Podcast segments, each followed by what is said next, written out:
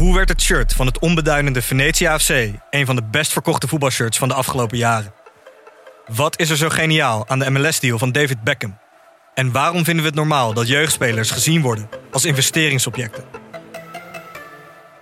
In de podcast Grof Geld onderzoek ik, Sam van Raalte, voetbaljournalist, samen met merkstratege Per van der Brink de macht van geld in de voetbalwereld. Wat gaat er schuil achter de wereld van sport en glamour? En wie profiteert er? Luister naar Grof Geld en hoor hoe de Skybox de staantribune beïnvloedt. Deze podcast is 100% expertisevrij en alleen geschikt voor amusementsdoeleinden. De inhoud mag niet worden beschouwd als financieel advies. Dit is Jong Beleggen, de podcast. Ik ben Milou. En ik ben Pim. Vorige week was Alex Otto te gast en deze week is hij weer te gast. En dat is voor ons ja, de gelegenheid bij uitstek om eens even dieper op de materie in te gaan. Ja, 40 jaar beleggingservaring gaan we even, even uitdiepen nu. Ja, precies. En dan hebben we het over waarom hij Mr. 5% wordt genoemd. Ja, dat is natuurlijk heel interessant. Als je meer dan 5% hebt, heb je een aanmerkelijk belang. Ja. En uh, wat voor voordelen heeft dat eigenlijk allemaal? En hoe Ja. kan je dat gebruiken? Ja, hele mooie verhalen over hoe je bedrijfsbezoeken doet, je bedrijven analyseert. Ja, ja, Eh, en ook eh, een beetje het blik op eh, wat voor impact heeft technologie nu. ja, precies. En, eh, en de opkomst van technologie gaan we het ook over hebben. We hebben het ook over de dotcom-hype. Ja, van mijn Nina Brink. U weet wel. Zullen we maar gewoon beginnen? Ja. la- laten we lekker beginnen.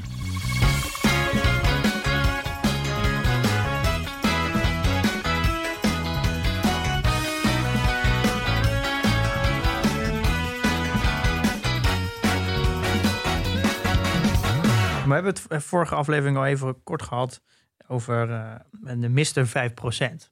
Eh, Ja. Nou, daar heb ik me vorige keer moeten inhouden. Ik ben nou eigenlijk heel erg benieuwd, hoe wordt iemand Mr. 5%? Ja, die naam is eigenlijk in het, in het leven gekomen toen ik een column schreef voor het FD. Eh, dus die noemde mij eh Alex Otto Mr. 5%. Dus dat is toen een eigen leven gaan leiden.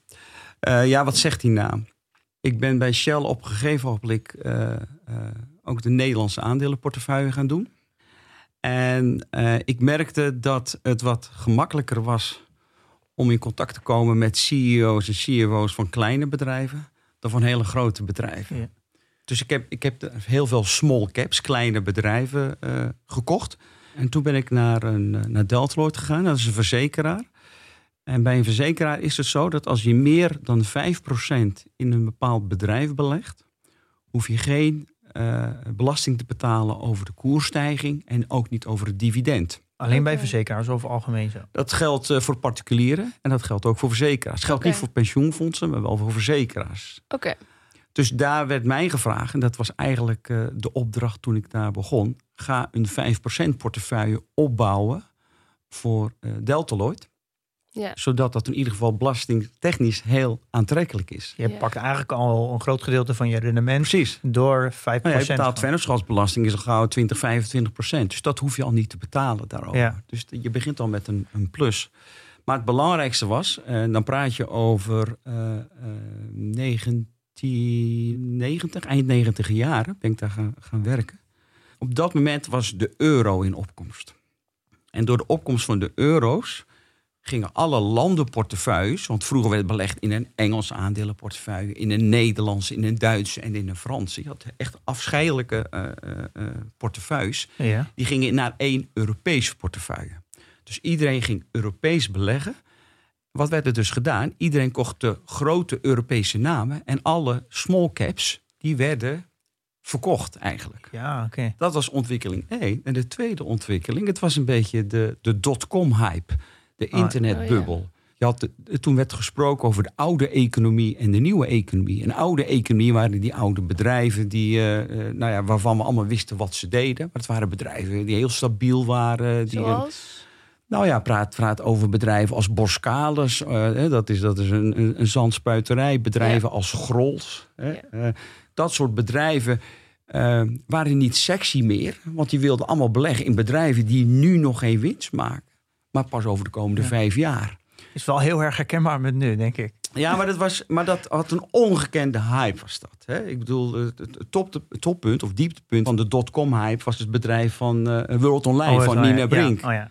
Oh ja. Iedereen dacht, wauw, daar ligt een bakken met goud. Dus iedereen die ging maar in, inschrijven. En veel meer dan ze nodig hadden. Nou, we kennen de afloop Ja. ervan. Nou, eigenlijk niet. World Online was een typische eh, nieuwe economie Ja. aandeel. Ja. En iedereen wist, dacht van nou luister, dat gaat in de toekomst heel veel winst eh, Mhm. eh, maken. Dus iedereen schreef erop in. Hè. Er waren maar, stel, er waren maar een miljoen aandelen beschikbaar, maar er werden voor 20 miljoen aandelen ingeschreven. Dus die prijs waarop het naar de markt kwam, ging maar hoger en hoger. Dus in feite kocht je echt letterlijk gebakken lucht. Want die winst was Ja. er nog niet en die moest komen. En die winst moest steeds hoger worden, omdat er zoveel aandelen verkocht Ja. werd. Nou, dat is toen heel snel fout gegaan. Ja. En, en Want die winst kwam niet. die is nooit gekomen. Het bedrijf is ook gewoon helemaal, eh, zeg maar, eh, bestaat ook niet meer. Nee. Dus dat was eigenlijk een beetje het, het, het, het voorbeeld op dat moment. Ja. Maar terugkomen op die small caps, waren dus twee ontwikkelingen. Iedereen keek naar Europese en Nederlandse grote bedrijven. En iedereen keek naar nieuwe economie. Dus dat was het moment. Ik voelde me echt als een kind in de snoepwinkel. Ik zag overal bedrijven van, hé, hey, dat is mooi, hè, want Ja. het is goedkoop. En, eh, Niemand wil het hebben. Niemand wil het meer hebben. En op een gegeven moment hadden we dus 65% belangen namens Deltaloid. En we zagen zoveel mogelijkheden dat we ook een eigen fonds zijn begonnen. Dat was het eh eh, eh, Deltaloid Deelnemingenfonds. Mhm. Dat belegde puur in zulke soort bedrijven. Uiteindelijk zat er 1,7 miljard euro in dat fonds. Eh, en en wat, nou was het wat was nou de strategie? Was heel simpel. We kochten alleen bedrijven die goedkoop waren. Hè, qua qua koers-winstverhouding, qua cashflow, price to cashflow. Nou, dat spreekt iedereen aan. Je koopt iets wat goedkoop is. Ja. Ja. Je kocht iets wat een aantrekkelijk dividend gaf. We zijn begonnen een jaar dat we gewoon eh, garanderen dat we elk jaar 6, 7 procent dividend zouden uitkeren. Stond de rente ook nog een stuk hoger Zo. hoor. Mhm. ja. En drie, het waren allemaal bedrijven waarvan er een gerede kans was dat ze van de beurs zouden worden gehaald. Gekocht dus dan. Gekocht, overgenomen. Oh, En het overnemen van bedrijven gaat altijd met een premie. gepaard met Ja. een premie van 20 tot wel 80 procent soms. Ik noemde dat een Hmm. beetje de slagroom op de cake. Dus wij waren eigenlijk de grootste verzamelaar van 5 procent belangen. Alleen doordat we dat deden en namens Deltaloid en namens het Deltaloid Deelnemingenfonds... had je gewoon soms belangen van 10, 20, 25 procent. Nooit meer dan 30 procent. Want dan zouden we formeel het van de beurs moeten halen. Dus we bleven altijd onder die 30 procent. Als, je dus, als er iemand dus eigenaar is, meer dan 30%, moet je Dan het ben je verplicht om een bod uit te brengen. Ja. Maar hoe zit het dan als dan een eigenaar, eh, bijvoorbeeld iemand heeft een 80% eigenaar, die brengt het naar de beurs en die houdt, heeft dan ook meer dan 30%. Ja, maar die, die eh, is altijd aandeelhouder geweest. Dan geldt het niet. Dan geldt Ja. het niet. Maar als jij gewoon nu zegt, ik ben Pim Verlaan en ik heb eh, de loterij gewonnen en ik, ik neem een 30% belang in Adyen. Ja, dan zal jij een bod uit Dan moet ik een bod aan- om ja, het- Dan moet je de andere aandeelhouders uitkopen. Eh, Oké, maar dan kan je het bod toch lager doen dan... ja, ja, dan- nee, nou ja, nou ja, er zijn ook weer regels er zijn voor. Er zijn ook weer regels maar, voor. maar ik zie echt eh, extreem veel gelijkenissen met Warren Buffett. Eh, nee, maar dat, het precies, Warren Buffett heeft het eigenlijk van ons gestolen. Ben je niet Warren Buffett van, ben je niet de. Warren Buffett van Nederland? maar, Eh, dan, maar dan niet bekend. Warren Buffett heeft het ook groot geworden met een verzekeringmaatschappij, omdat daar heel veel Ja, ja. cash in zit. Ja, Nou, je hebt het precies, Berkshire Hathaway. ja, precies hetzelfde gedaan met, eh met Absoluut. Eh, die neemt ook over het algemeen een eh, meerderheidsbelang. Sterker nog, als hij het bedrijf echt heel goed vindt, dan haalt hij ze ook van de beurs. Want dan is hij, hij heeft meer deelnemer die, waar hij 100% eigenaar van is dan een gedeelte. Ja. Hij bouwt ook een positie op en op een gegeven moment koopt hij het. Eh, hij doet het ook met bedrijven die heel goedkoop zijn. Hij focust ook heel erg op cashflow. Ja. En hij houdt heel erg van dividenden, vooral dividendgroei. Maar het belangrijkste van deze strategie is... je krijgt ook toegang tot het management. Kijk, als wij 10, 15, 20 procent van een bedrijf hebben... je belt de CEO op van, joh, je spreekt met Deltaloid... wij willen toch graag morgen eens even je langskoken hoe het gaat. Maakt zijn agenda leeg. Maak zijn agenda leeg. Ja. Als ik nu eh, meneer Van Hout van Philips bel van... joh, eh, eh, meneer Otto ben ik, of Alex Otto... en eh, ik heb 0,10 procent van uw aandelen. Heeft u even tijd voor me? Zegt hij, joh, kom maar naar de aandeelhoudersvergadering. Hè? Ja, Begrijp ja, ik Ja. ook. ja. Dus je, je zat echt met het management om de tafel. Ja. En eigenlijk heb ik die jaren niets anders gedaan dan met een team. Uiteraard deed ik dat niet alleen. Gewoon elke dag eh, eh, het management zien van bedrijven. De CEO, de CFO, strategie. En, En wat is het nut daarvan? Gewoon de dynamiek snappen, nog steeds. volledig de dynamiek eh, eh, snappen. Weten waar het bedrijf mee bezig is. eh, wat een strategie is. Het was ook eh, soms, eh, je moet heel voorzichtig zijn. Omdat je met management om tafel zit. Je moet altijd uitkijken van hé, hey, wanneer heb je voorkennis? Ja, want Hè, dat is wel eens gebeurd. Dan zit je bij een bedrijf en die vertelt eigenlijk iets meer dan wat bekend was in de markt. Ja, dan moet er gelijk een persbericht uitkomen. Ik bedoel, we hadden een afdeling compliance, die keken gewoon mee. Want ja, het laatste wat je wil, is dat je, dat je gaat beleggen op kennis die eh, nog niet algemeen bekend Ja. was. Ja. Dus dat was wel een, dat is een, Kijk, op een voorkennis voor Philips is veel moeilijker te hebben dan eh, eh, extra kennis op kleine bedrijven. Dus daar zaten we heel scherp op. Een hele eh, compliance afdeling die daar bovenop zat. Want ik kan Ja. me ook voorstellen dat je ook heel- als je je kan ook een concurrent hebben of een, en waar je allebei 5% in hebt, dat je dus ook twee partijen in de keuken kan kijken die Absoluut. met elkaar concurreren. Ja. Nou, het mooie was, weet je, als er dan iets gebeurde in de wereld, dan maakten we altijd even een rondje langs onze bedrijven. Dus je belde de CEO's, de CFO's. Wat gebeurt er? Hoe gaat het met die orderportefeuille? Hoe gaat het? Dus je kreeg zo'n verdraaid, je stopt even de barometer in je portefeuille en je kreeg een verdraaid goed gevoel van, hey, hoe gaat het nu Ja. in, de, eh, Ja. eh, in de economie? En nou, van die 60 bedrijven, ik heb ze ooit eens geteld, zijn er ongeveer 45 van de beurs gehaald of gefuseerd. Zo. Maar in welk, eh, dat snap ik nog niet helemaal. In welke zin is dat dan voordelig voor de- degene die die aandelen van die bedrijven hebben? Als ze overgenomen worden. Nou, stel jij, jij hebt een, een, een klein bedrijf en je maakt eh, winst. En je merkt gewoon dat, dat bedrijven steeds meer naar elkaar toe gaan kruipen. Dan komt Pim binnen, die zit in hetzelfde bedrijf als jij. En die zegt van joh, jouw bedrijf is, eh, is, is eh, 10 miljoen waard. Ik bied 15 miljoen voor jouw bedrijf. Ja. Waarvan jij zegt van nou prima, dan kan ik in ieder geval, hè, vaak ben je zelf ook aandeelhouder, kan ik in ieder geval een brokje daarvan een cash gaan maken. Je kan ook zeggen prima gaan we samen doen, dan gaan we fuseren met elkaar. En dat betekent wel dat als je een, een groter bedrijf hebt, dat je wel ook meer schaalgrootte gaat krijgen. En dat je dus je kosten naar beneden gaan. Ja. Dus er zijn allerlei Ja, redenen. Ja. Eh, eh, het zijn vaak strategische gedachten waarom bedrijven overgenomen werden. Dan heb je ook vaak bij een, als iemand het koopt, koop je met een extra premie. Dus bijvoorbeeld een, wat aan zegt 10 naar 15 miljoen. Dus je hebt in één keer 50% winst Ja. op jouw aandeel. Dus Ja. dat is natuurlijk in, in één dag of in een paar, in een hele Ja. korte periode kan je 5% winst pakken. Ja. En dus dat is natuurlijk een rendement die, dan heb je gelijk een heel goede performance voor dat Absoluut. jaar. Dat was Ja. gewoon de slagroom op de, op, de, op de taart. En we hebben toen gemiddeld in die tijd, dan praat je van eh 2000 tot 2010, wel vier, vijf overnames per, eh, eh, per, eh, per jaar gehad. Wow. En dat ging vaak gepaard. Dan werd je gebeld door, door, door de pers. Van, hey, wat vinden jullie van dat bod? Oh, zo om We als, waren als zeer bepalend Ja. daar, eh, eh, daarin. Ja. Maar is het, dan heb ik ook eigenlijk dus alle. Als je, ook al ben je CEO van een bedrijf, kan me voorstellen dat je heel veel druk voelt. Elke keer als jullie langskwamen, waren ze denk ik ook vaak wel eh, gespannen. Want het voelt toch, denk ik, voor ook zelfs voor de hele directie altijd een, een beoordelingsgesprek als jullie langskomen. Dan ben je de baas van een bedrijf en toch word je Nou elke ja, je, keer je, je, beoordeeld. krijgt, je krijgt toch je grootste, vaak de grootste aandeelhouder op bezoek. Of ze kwamen ook vaak bij ons eh, eh, eh, op bezoek. Alleen je kreeg ook wel een band hè, met, met CEO's en, en CFO's. Ik bedoel, die kwamen vier keer per jaar eh, kwamen die langs. In het begin is nog even kennis maken. Maar wat we vooral wilden, een beetje het ijs breken. Voet op tafel. Joh, hoe gaat het nu? En waar wil Ja. je naartoe met het bedrijf? Heb je er vriendschappen aan overgehouden?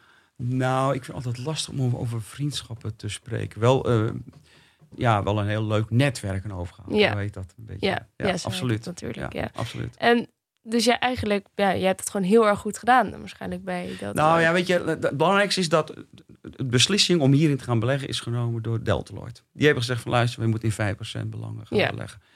Dat was één. Dus het, mandaat was er. Twee, de situatie was er omdat zulke bedrijven werden gewoon eh, eh, met de neus aangekeken. Ja, maar dat moet je wel zien. Dat moet je wel zien. En volgens was het gewoon een fantastisch team waar ik, aan, waar ik leiding aan mocht geven.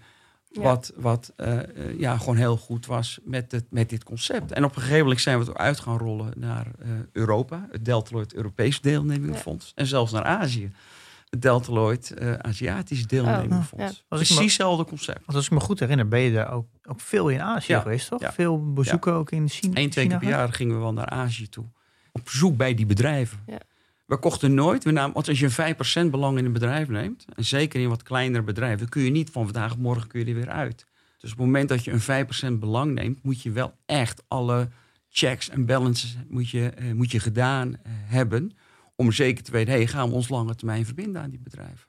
Ja, dus je moet eigenlijk wel bezoeken doen en anders is het eigenlijk onmogelijk. Absoluut. Ja, ik ben in die 5% even ingedoken. Ik, weet niet, ik heb een boek gevonden en dat heet de Mr. 5%.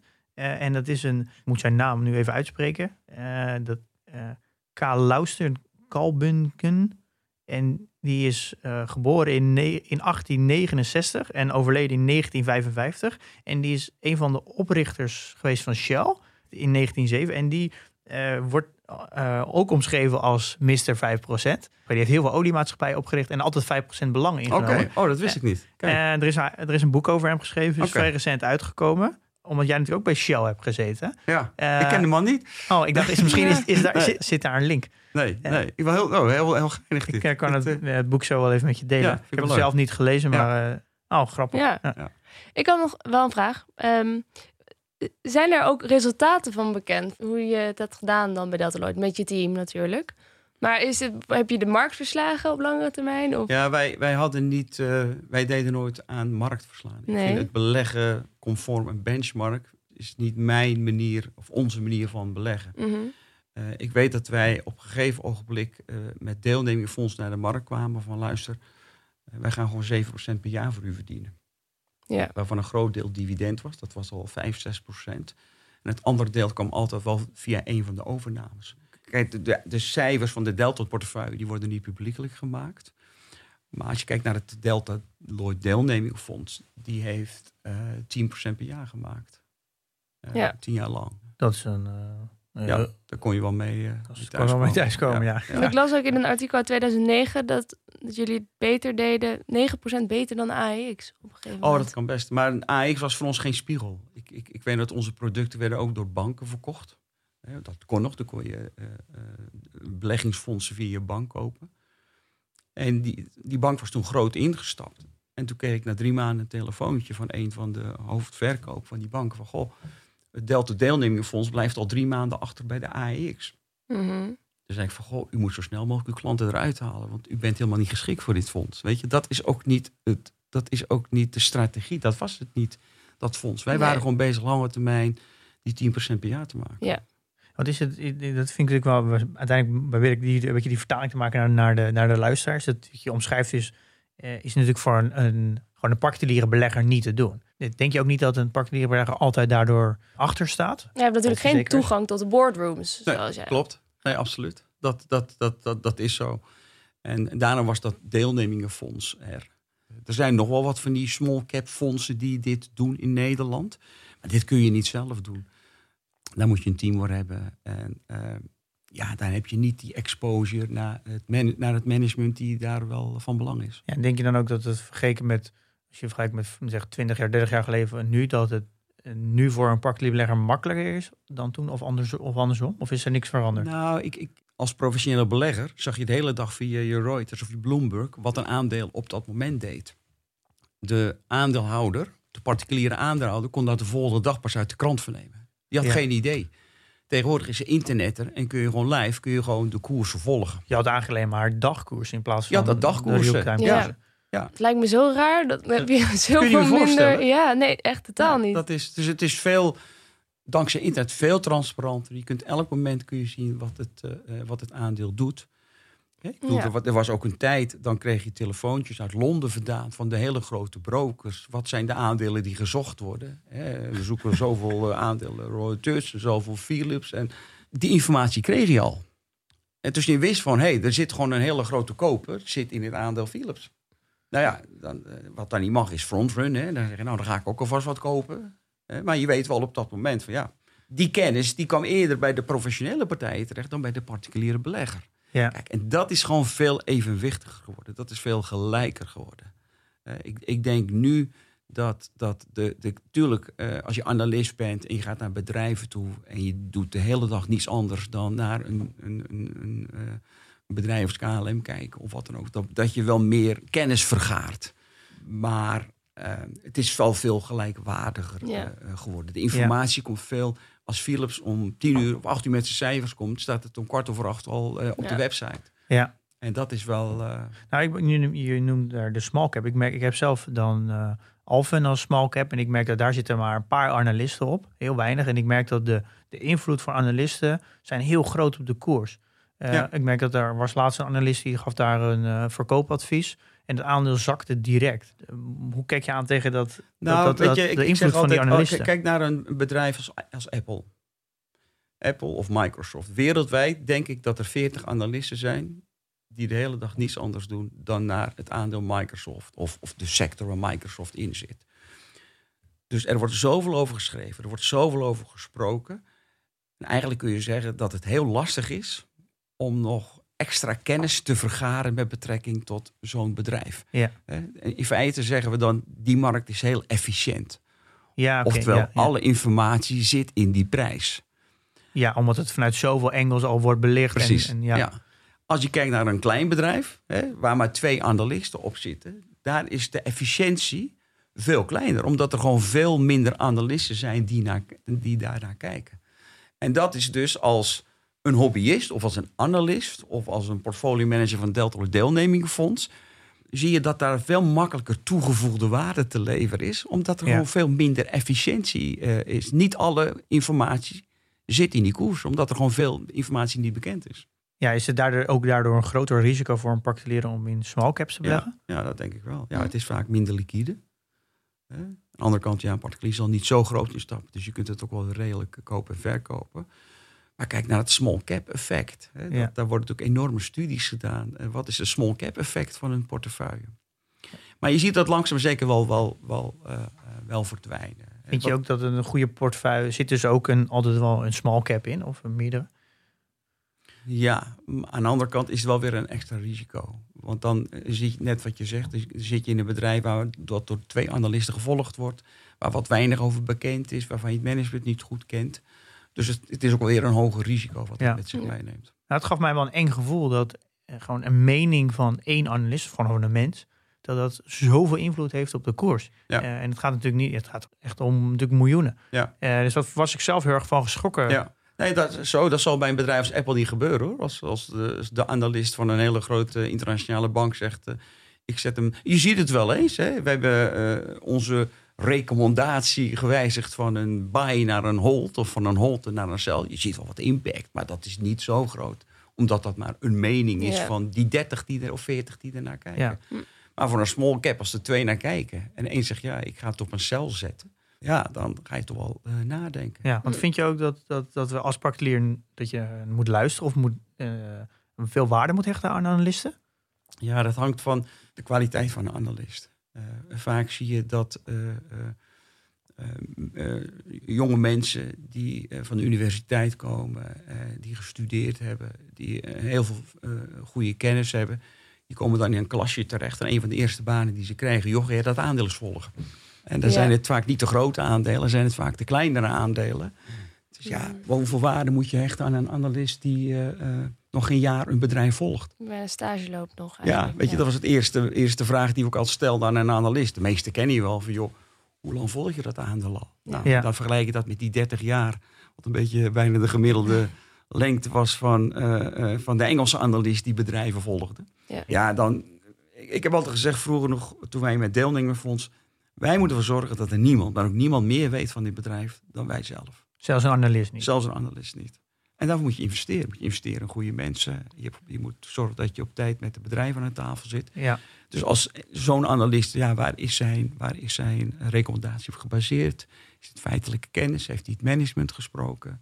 dan kan je eigenlijk wel zeggen dat als je een analist bent, dan ben je eigenlijk niet goed genoeg. Want als je goed genoeg bent, dan, kom je bij, dan werk je bij zo'n fonds. Want dan word je natuurlijk... eh, Ja. dan, als, ik neem aan dat je ook alle goede analisten, die wil je dan ook in dienst hebben. Toen Je wilt in ieder geval de goede mensen hebben. Ja, en dus- we leiden die tijd leiden we ook eh, eh, zelf mensen op. eh, om te leren van hoe, hoe, hoe kijk je daar nu naar? Ja. En waar moet je op letten? En ja, en dat zijn, eh, sommigen zijn echt hele goede portfolio managers geworden. Misschien een beetje grof, maar zijn eigenlijk dan een beetje de, de sulletjes nog in die wereld, die dan nog moeten groeien. En als je, Nou ja, de sulletjes, weet je, ik zeg altijd, dat zijn, de, dat zijn de jonge mensen die willen investeren in hun carrière. Ja, en daar moet je gewoon de tijd voor nemen. Ja, je hebt er wat gezegd dat eh econometristen namen het stokje over. Het werd gebaseerd op modellen, de Ja. keuzes in plaats van bedrijfsbezoek. En is- ik had daar ook wel eens wat over gelezen dat, dat er een, een economen zijn eigenlijk helemaal niet zo goede beleggers. En het zijn juist veel meer de, de sociologen en de filosofen die het eigenlijk veel beter doen. Omdat economen vooral alleen maar naar cijfers kijken en het eigenlijk het hele stukje vergeten over waar een groot gedeelte van de fundamentele analyse over gaat, over cultuur en mensen spreken of aanvoelen waar het naartoe gaat. Zit het, doet de concurrentie, zit je in een groeimarkt? Eh, is dat ook iets waar, hoe jij daarnaar kijkt? Ja, nou in die tijd werden heel veel rekenmodellen gemaakt. Van waar eh, is het meeste risico? Hè, dat ging met name over okay, hoeveel geld moeten we in aandelen stoppen, hoeveel moeten we in hypotheken stoppen, hoeveel moeten we in vastgoed stoppen. En het is altijd heel goed om terug te kijken van oké, wat heb je historisch verdiend aan het beleggen in aandelen? Wat heb je historisch verdiend aan het beleggen in vastgoed? Maar je moet uitkijken dat je dat ook niet gaat gebruiken naar de toekomst toe. Dat, dat, je, dat, dat je die trend voort uh, gaat zetten. Je kunt simulaties maken van oké, uh, uitgaan van het verleden is dit een hele interessante assetcategorie. Het is een manier van beleggen, kwantitatief beleggen. Dat zijn echt de, de mensen die niks anders doen dan modellen maken. Met de cijfers. Op basis van historische ja. cijfers en op basis ja. daarvan koop of verkoop doen. Alleen ik ben altijd, ik geloof altijd toch in een dosis gezond verstand. Ja. Een fundamentele analyse. Ook wel dat, menselijker eigenlijk. Ook, maar ook weten waarin je belegt. Ja. Maar dit is eigenlijk is het wel goed dat dit zo is. Want als dit natuurlijk niet zo zou zijn, dan, dan heeft de markt geen zin meer. Want dan kan het gestuurd worden door computers. Nou ja, we hebben ook het gevaar gezien. Hè? Want wat je tegenwoordig, terug naar 1987, waar kwam die crash in 1987 vandaan?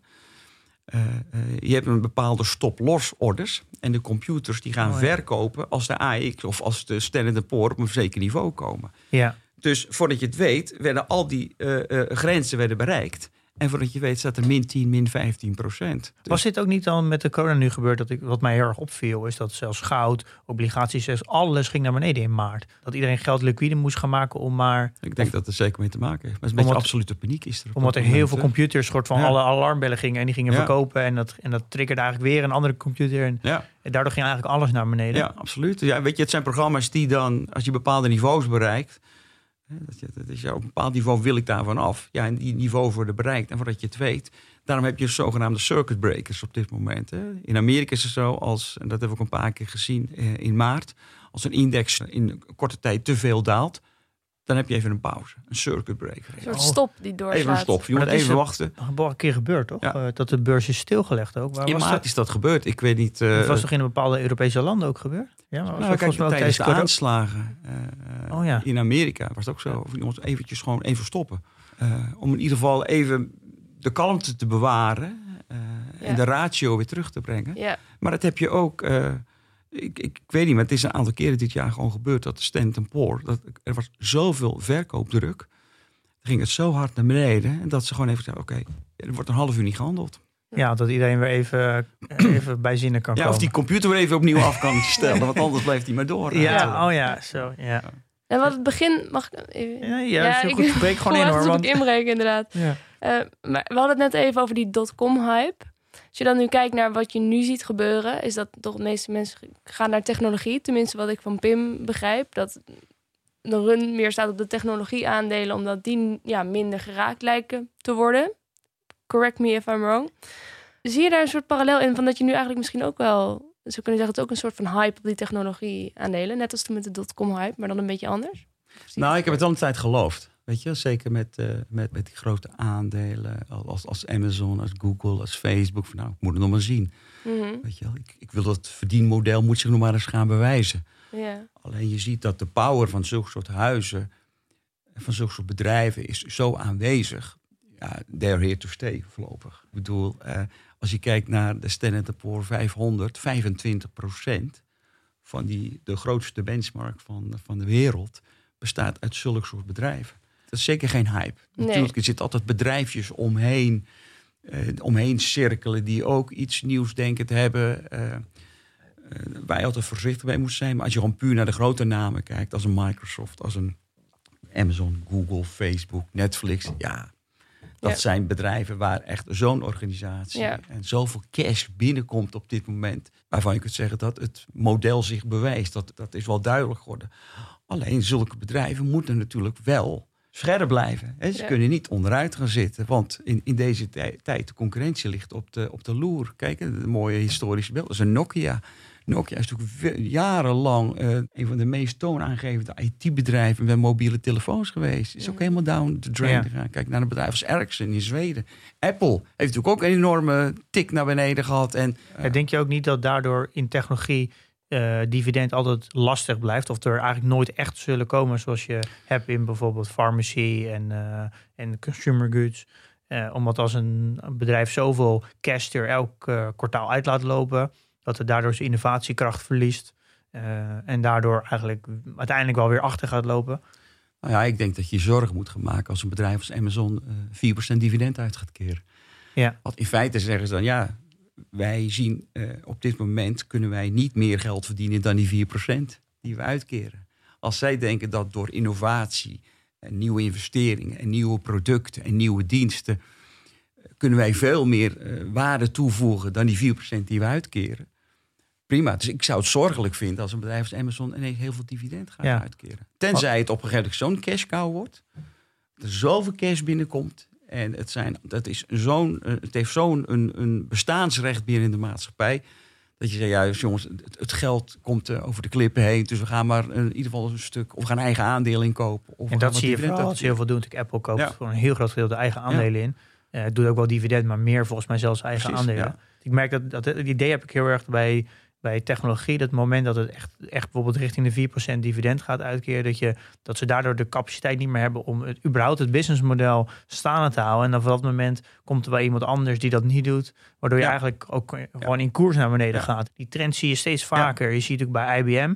eh, wat natuurlijk dividends gaan uitkeren, gaat qua omzet naar beneden een lange tijd. Nou, ik denk dat Intel nu dezelfde kant op gaat. Dus je merkt als technologiebedrijven dividend gaan uitkeren, en die komen op een gegeven moment op een niveau van 3, 4 procent, dan zie je gewoon dus gewoon een weg naar beneden. Nou ja, dan denk ik dat die 40 analisten die naar dit bedrijf eh, kijken, toch wel gaan vragen. En hoe ziet het de komende jaren uit? Waar gaat de winstgevendheid vandaan komen? Ja, dus je kan eigenlijk eh, als een dividendportefeuille is het best moeilijk om technologie erin te hebben, omdat het Ja, ja absoluut. absoluut. Want dat, dat geeft toch wel aan dat de groei in feite uit is. Maar het wil niet zeggen dat die bedrijven niet langer kunnen blijven bestaan. Ik bedoel, er, er zijn gewoon eh, farmaciebedrijven, telecombedrijven, waar zoveel cash binnenkomt en die gewoon door, door kunnen blijven gaan met het ontwikkelen van nieuwe eh, medicijnen. Ja. En gaan investeren in 5G-netwerken. En daarnaast zeggen, ja, wij vinden het toch wel belangrijk voor onze aandeelhouder om wat dividenden eh, uit te keren. Maar die staan niet op die innovatieve sprong die bedrijven als Amazon en Google nog kunnen maken. Daar ben je zelf ook een, eh, een beleg je zelf ook in technologie? Eh, oh god, moet ik eerlijk zijn of mag ik gewoon...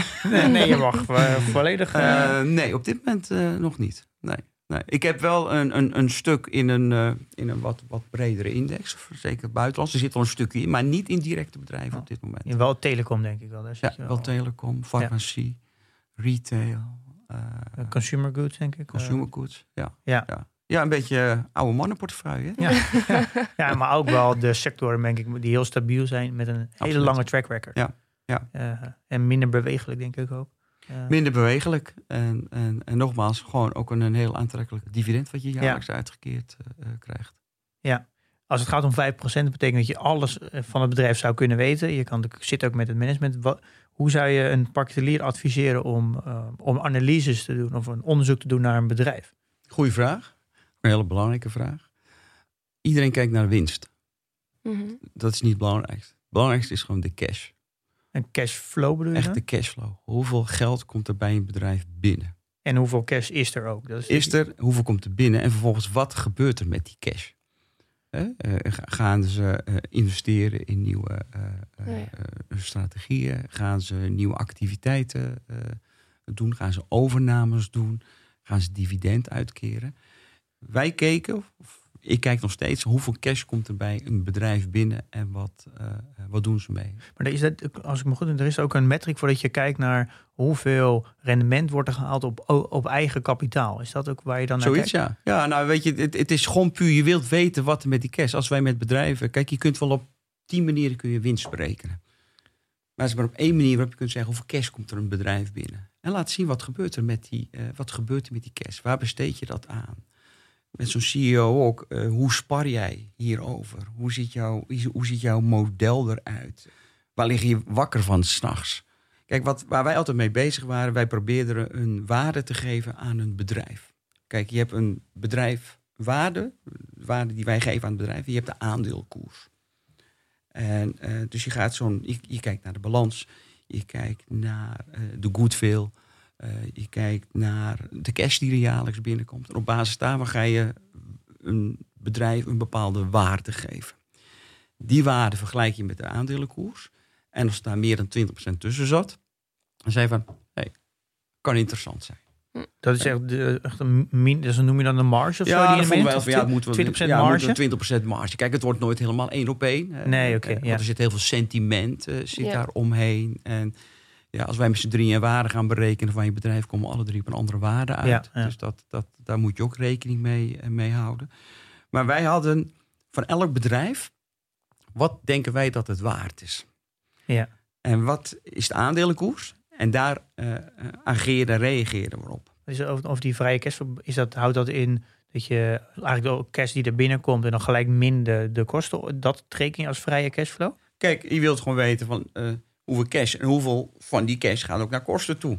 En hoe, Ja. verhoudt zich tot andere jaren? En waarom zit daar zo'n enorme stijging in? Dus cash Ja. is gewoon alles bepalend binnen een Ja, oké. en dan ook hoeveel je natuurlijk overhoudt om vrij te besteden. Ja, Eh, ja. En je, wil je dan eigenlijk, wat je dan eigenlijk kijkt als, eh, als, als een aandeelhouder, is dat als die cash in het bedrijf zit, dan moet dat een bepaald rendement hebben. Ja. Want als ik anders, als het niet hoog rendement is, dan wil ik het er liever uithalen. Want dan ga ik het zelf ergens anders wel, ja. wel besteden waar ik wel mijn rendement dat die Nou, ik dat persoonlijk was, wil. dat was zeg maar, eh, de, de discussie ging het meest over. Wat doe je met die vrije cash voor jou?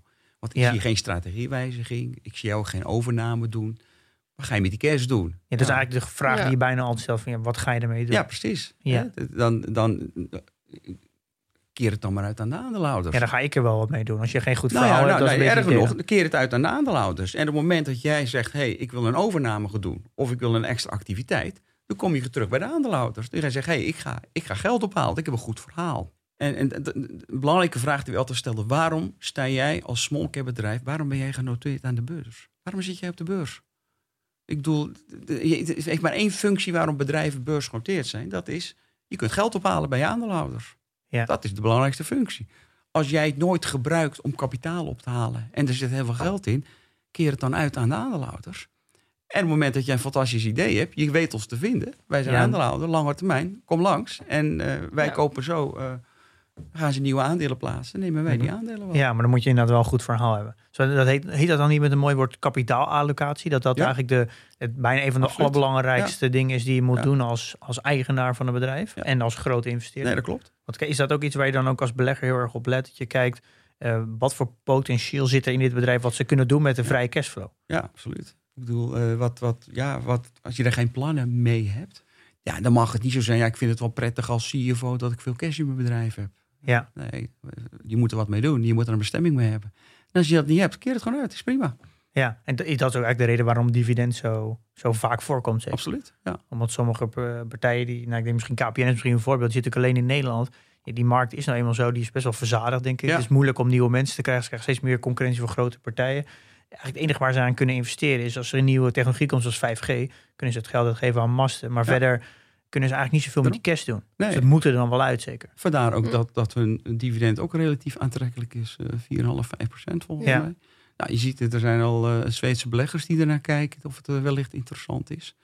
En daar is met name die aanwezige cash speelt daar wel een rol bij. Ja, oké. Ja, interessant. Ja. Ja, En Ik heb, merk je dat dit wel iets waar ik steeds meer, eh, om daar steeds meer naar te kijken over dat stukje eh, return on own capital. Ja. Dus hoeveel, hoeveel, win, hoeveel, ja, hoeveel procent winst maken ze nou Ja. op het eigen vermogen? Precies. Ja. Hoe winstgevend, hoe, ja, hoe, wat, wat is je rendement wat je op je geld maakt, op je, op je cash maakt. eigenlijk Ja. heel logisch, hè, jongens? Ja. Maar dat is dus wel Maar dat is de kunst ook van beleggen, om het logisch en om het simpel Mhm. te houden. Hè? Want ik merk dat is, wel dat eh, er heel weinig gecommuniceerd wordt in, het, in dat stukje vrije cashflow. En als je al alle websites kijkt waar je informatie kan vinden, zo, er wordt heel weinig aandacht gezet Ja. aan, aan vrije cashflow en return on Ja. own capital. Ja, het gaat over EBIT, EBITDA en dat soort zaken gaat het allemaal. Ja, en win, koers-winstverhouding. En, Ja. en, eh, Ja, dan ben ik al lang weg, hoor. Ja. is dat dan niet gek dat dat, weinig, dat, dat dat dan weinig aandacht krijgt? Of is, Nou, weet je, ik, ik denk zeker naar buiten toe om aan te geven hoe goed gaat het met het bedrijf. Eh, dan is winst wel het meest aansprekende begrip. Hoe, ga, hoe goed gaat het met. eh, eh, nou, dan hebben we weer met, met, met, met Amazon. Nou ja, Ja. ze hebben zoveel miljard winst gemaakt. Oh, dat gaat wel goed daar. ja, maar ik heb zelf een onderneming gehad. Je kan dat, eh, was in december, was het gewoon bijna de vraag hoeveel winst willen we hebben? Ja, nou ja, je kan dat gewoon zelf bepalen. Maar dat spreekt meer aan als je s- s'avonds in het journaal wat wil vertellen over hoe, hoe het met Amazon. Ja, Je kunt zeggen, nou, ze hebben zoveel cash. Ja. ja of vandaar. Mensen zien de winst nog steeds als het eindresultaat. Dat is het ook wel. Alleen wat jij precies zegt, je kunt wel op die manieren kun je je winst berekenen. En omdat je echt een bedrijf goed wil analyseren, gaat het maar om één ding. Dat is de cash. De cash binnen het bedrijf. Hoe komt het binnen? Wat gaat eruit? Wat blijft En er hoeveel over? rendement maken ze erop? En hoeveel rendement maken ze Ja. erop? Oké. Nou ja, dit is iets waar ik inderdaad, hier ga ik dan wel vaker eh, een, een podcast over maken. Want hier heb ik zelf heel veel interesse in om dit eens een keer goed Ja. uit te zoeken. Ja. Dus, eh, Nou, ik ben benieuwd. ehm, ja, volgens mij eh, is, is deel 2 ook afgelopen, denk ik. Ja, nu. ik denk dat deel 2 nu ook wel ik doe met liever nog deel, is. 2, deel 3 en 4, maar Ja. laten we Nou, Alex misschien, sparen. misschien over een jaartje weer. Nee, Oh, inderdaad. absoluut. Ja, je bent natuurlijk met pensioen, dus je moet ook een beetje van je vrije tijd Ja, maar dat gaat eh, steeds beter lukken. Oké. Ik zal even wennen, maar het gaat steeds beter lukken. Ja. Oké, heel goed. Ja. Nou, dank Alex Heel voor graag gedaan. dat je Vond er het wil zijn. Fijn, wij ook. Ik blijf jullie met heel veel aandacht volgen. Daar heb ik wel de tijd voor nu naar de podcast. Ja. Ik heb ze nog niet allemaal gehoord, maar ik ga het allemaal zeker afluisteren. Leuk. Ja, heel leuk. Als, je, als ik dingen heb verteld die niet kloppen, dan mag je me altijd even een bericht sturen. Dan ga ik dat even rechtzetten. Ja, Ja. ja. Ja, echt dankjewel dat je hier wilde zijn. Voor mij, eh, ja, ik keek hier al heel erg lang naar uit. En ik heb al eh, tegen heel veel mensen verteld dat ik eh, Ja. toch wel een beetje trots ben dat je, dat Ja. je te gast wil zijn. Ja. Ja. Eh, ja, je hebt toch wel eh, veel invloed op mij gehad dat ik nu hier zit. Ja. En, eh, ja, daar wil ik je nog wel nogmaals voor bedanken.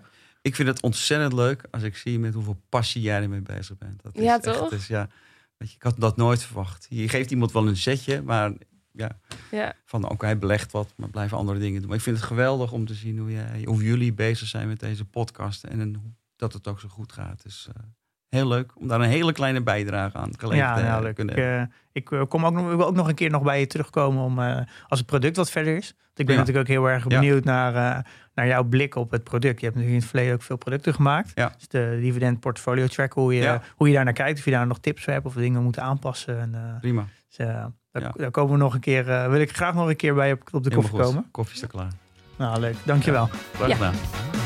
Nou, Pim, Alex is net de deur uit. Ehm, ik denk dat ik er ook maar even van tussen ga. Nee, eh, ik, ik ga nu een weekje eh, op vakantie. Ik ga naar Terschelling. Oh, lekker. Ja, eh, dat betekent wel dat jij dus eventjes wat dingetjes alleen moet doen. Maar daar kom je wel uit, hè? Ja, de portfolio. Doe ik wel alleen. Precies. Volgens mij komt het helemaal goed. Vergeet de outro niet.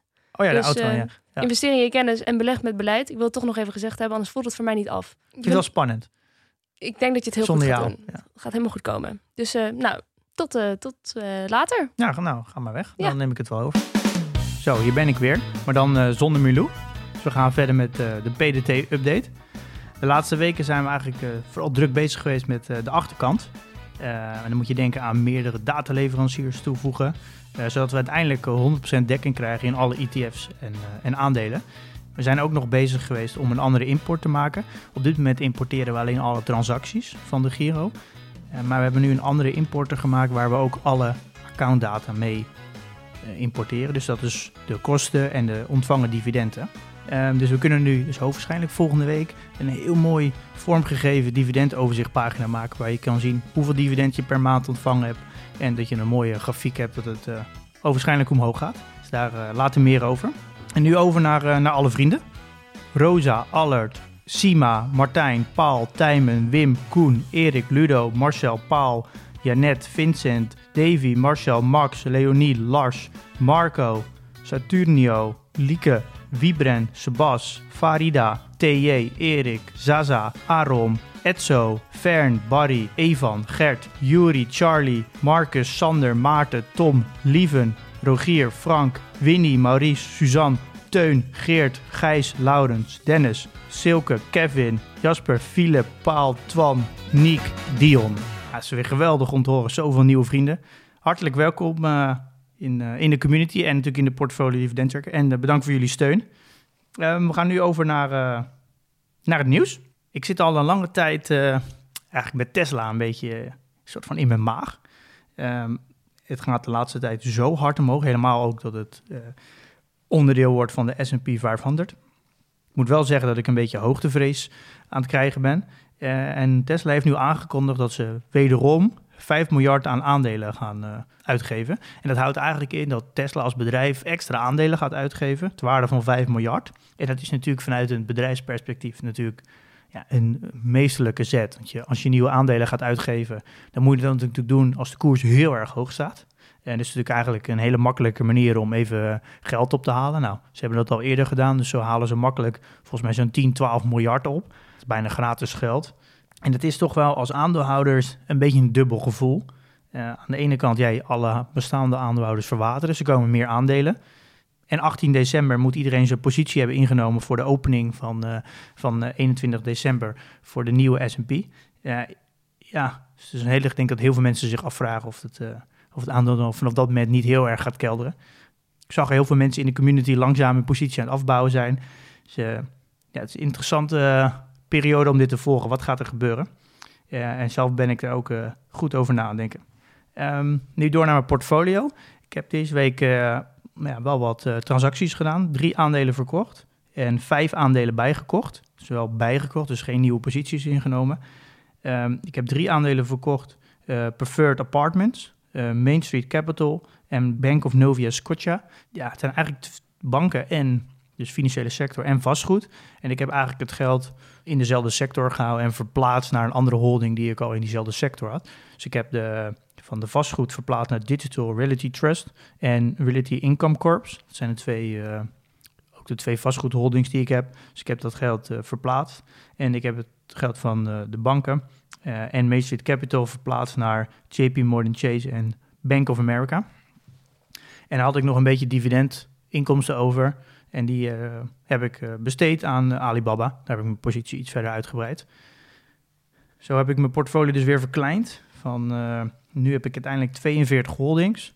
En, maar ik wil uiteindelijk wel naar, naar 20 holdings gaan. Een stukje risicomanagement. Alex heeft dat ook al aangegeven, vorige aflevering ik wil gewoon meer controle over mijn, mijn portefeuille hebben. Dus ik wil, de komende maanden ga ik dat langzaam uh, verlagen. En de makkelijkste manier voor mij is om aandelen van dezelfde sector te verplaatsen. Zodat ik ook niet een heel groot probleem heb dat ik een bepaalde groeispurt mis in nu bepaalde sectoren. Bijvoorbeeld vastgoed of banken die toch nog, nog iets achterlopen. En ik heb nog steeds wel mijn maandelijkse 3000 euro te besteden. Dus die ga ik komende maand nog uitgeven. Uh, ik vind het wel heel lastig om uh, ja, aantrekkelijk gewaardeerde bedrijven te vinden. Ik merk dat alles begint wel heel erg duur te worden. Dus ik moet toch wel iets beter gaan zoeken naar, naar toch aandelen die iets zijn achtergebleven. Um, ik denk alles in, vooral in technologie, is nu wel echt heel erg duur geworden. Uh, dus ik denk dat, uh, dat, ik daar nog even van weg blijf. Ik heb wel dividend ontvangen, 77 euro van drie verschillende bedrijven. En mijn portfoliowaarde is nu weer een all-time high, 180.700. Dus daar uh, ben ik heel erg blij mee. En deze week slaan we even de reviews over. Um, die pakken we volgende week weer op. Um, ja, volgende week hebben we weer een gast. En we gaan het hebben over call- en put opties samen met uh, Paul de Wicht. Hij heeft heel veel ervaring in, uh, in het handelen met opties. We hebben daar echt heel veel vragen over gekregen of wij daar eens een keer goed willen uitleggen wat het nou betekent. Ik weet het zelf ook niet helemaal in grote lijnen wel, maar ik ben wel benieuwd hoe, uh, hoe het nou precies allemaal in elkaar steekt. Dus we gaan, uh, gaan samen met hem deze aflevering doen. Dus kijk er heel erg naar uit volgende week. Nou, dan rest mij nog één ding. Investeer in je kennis en beleg met beleid.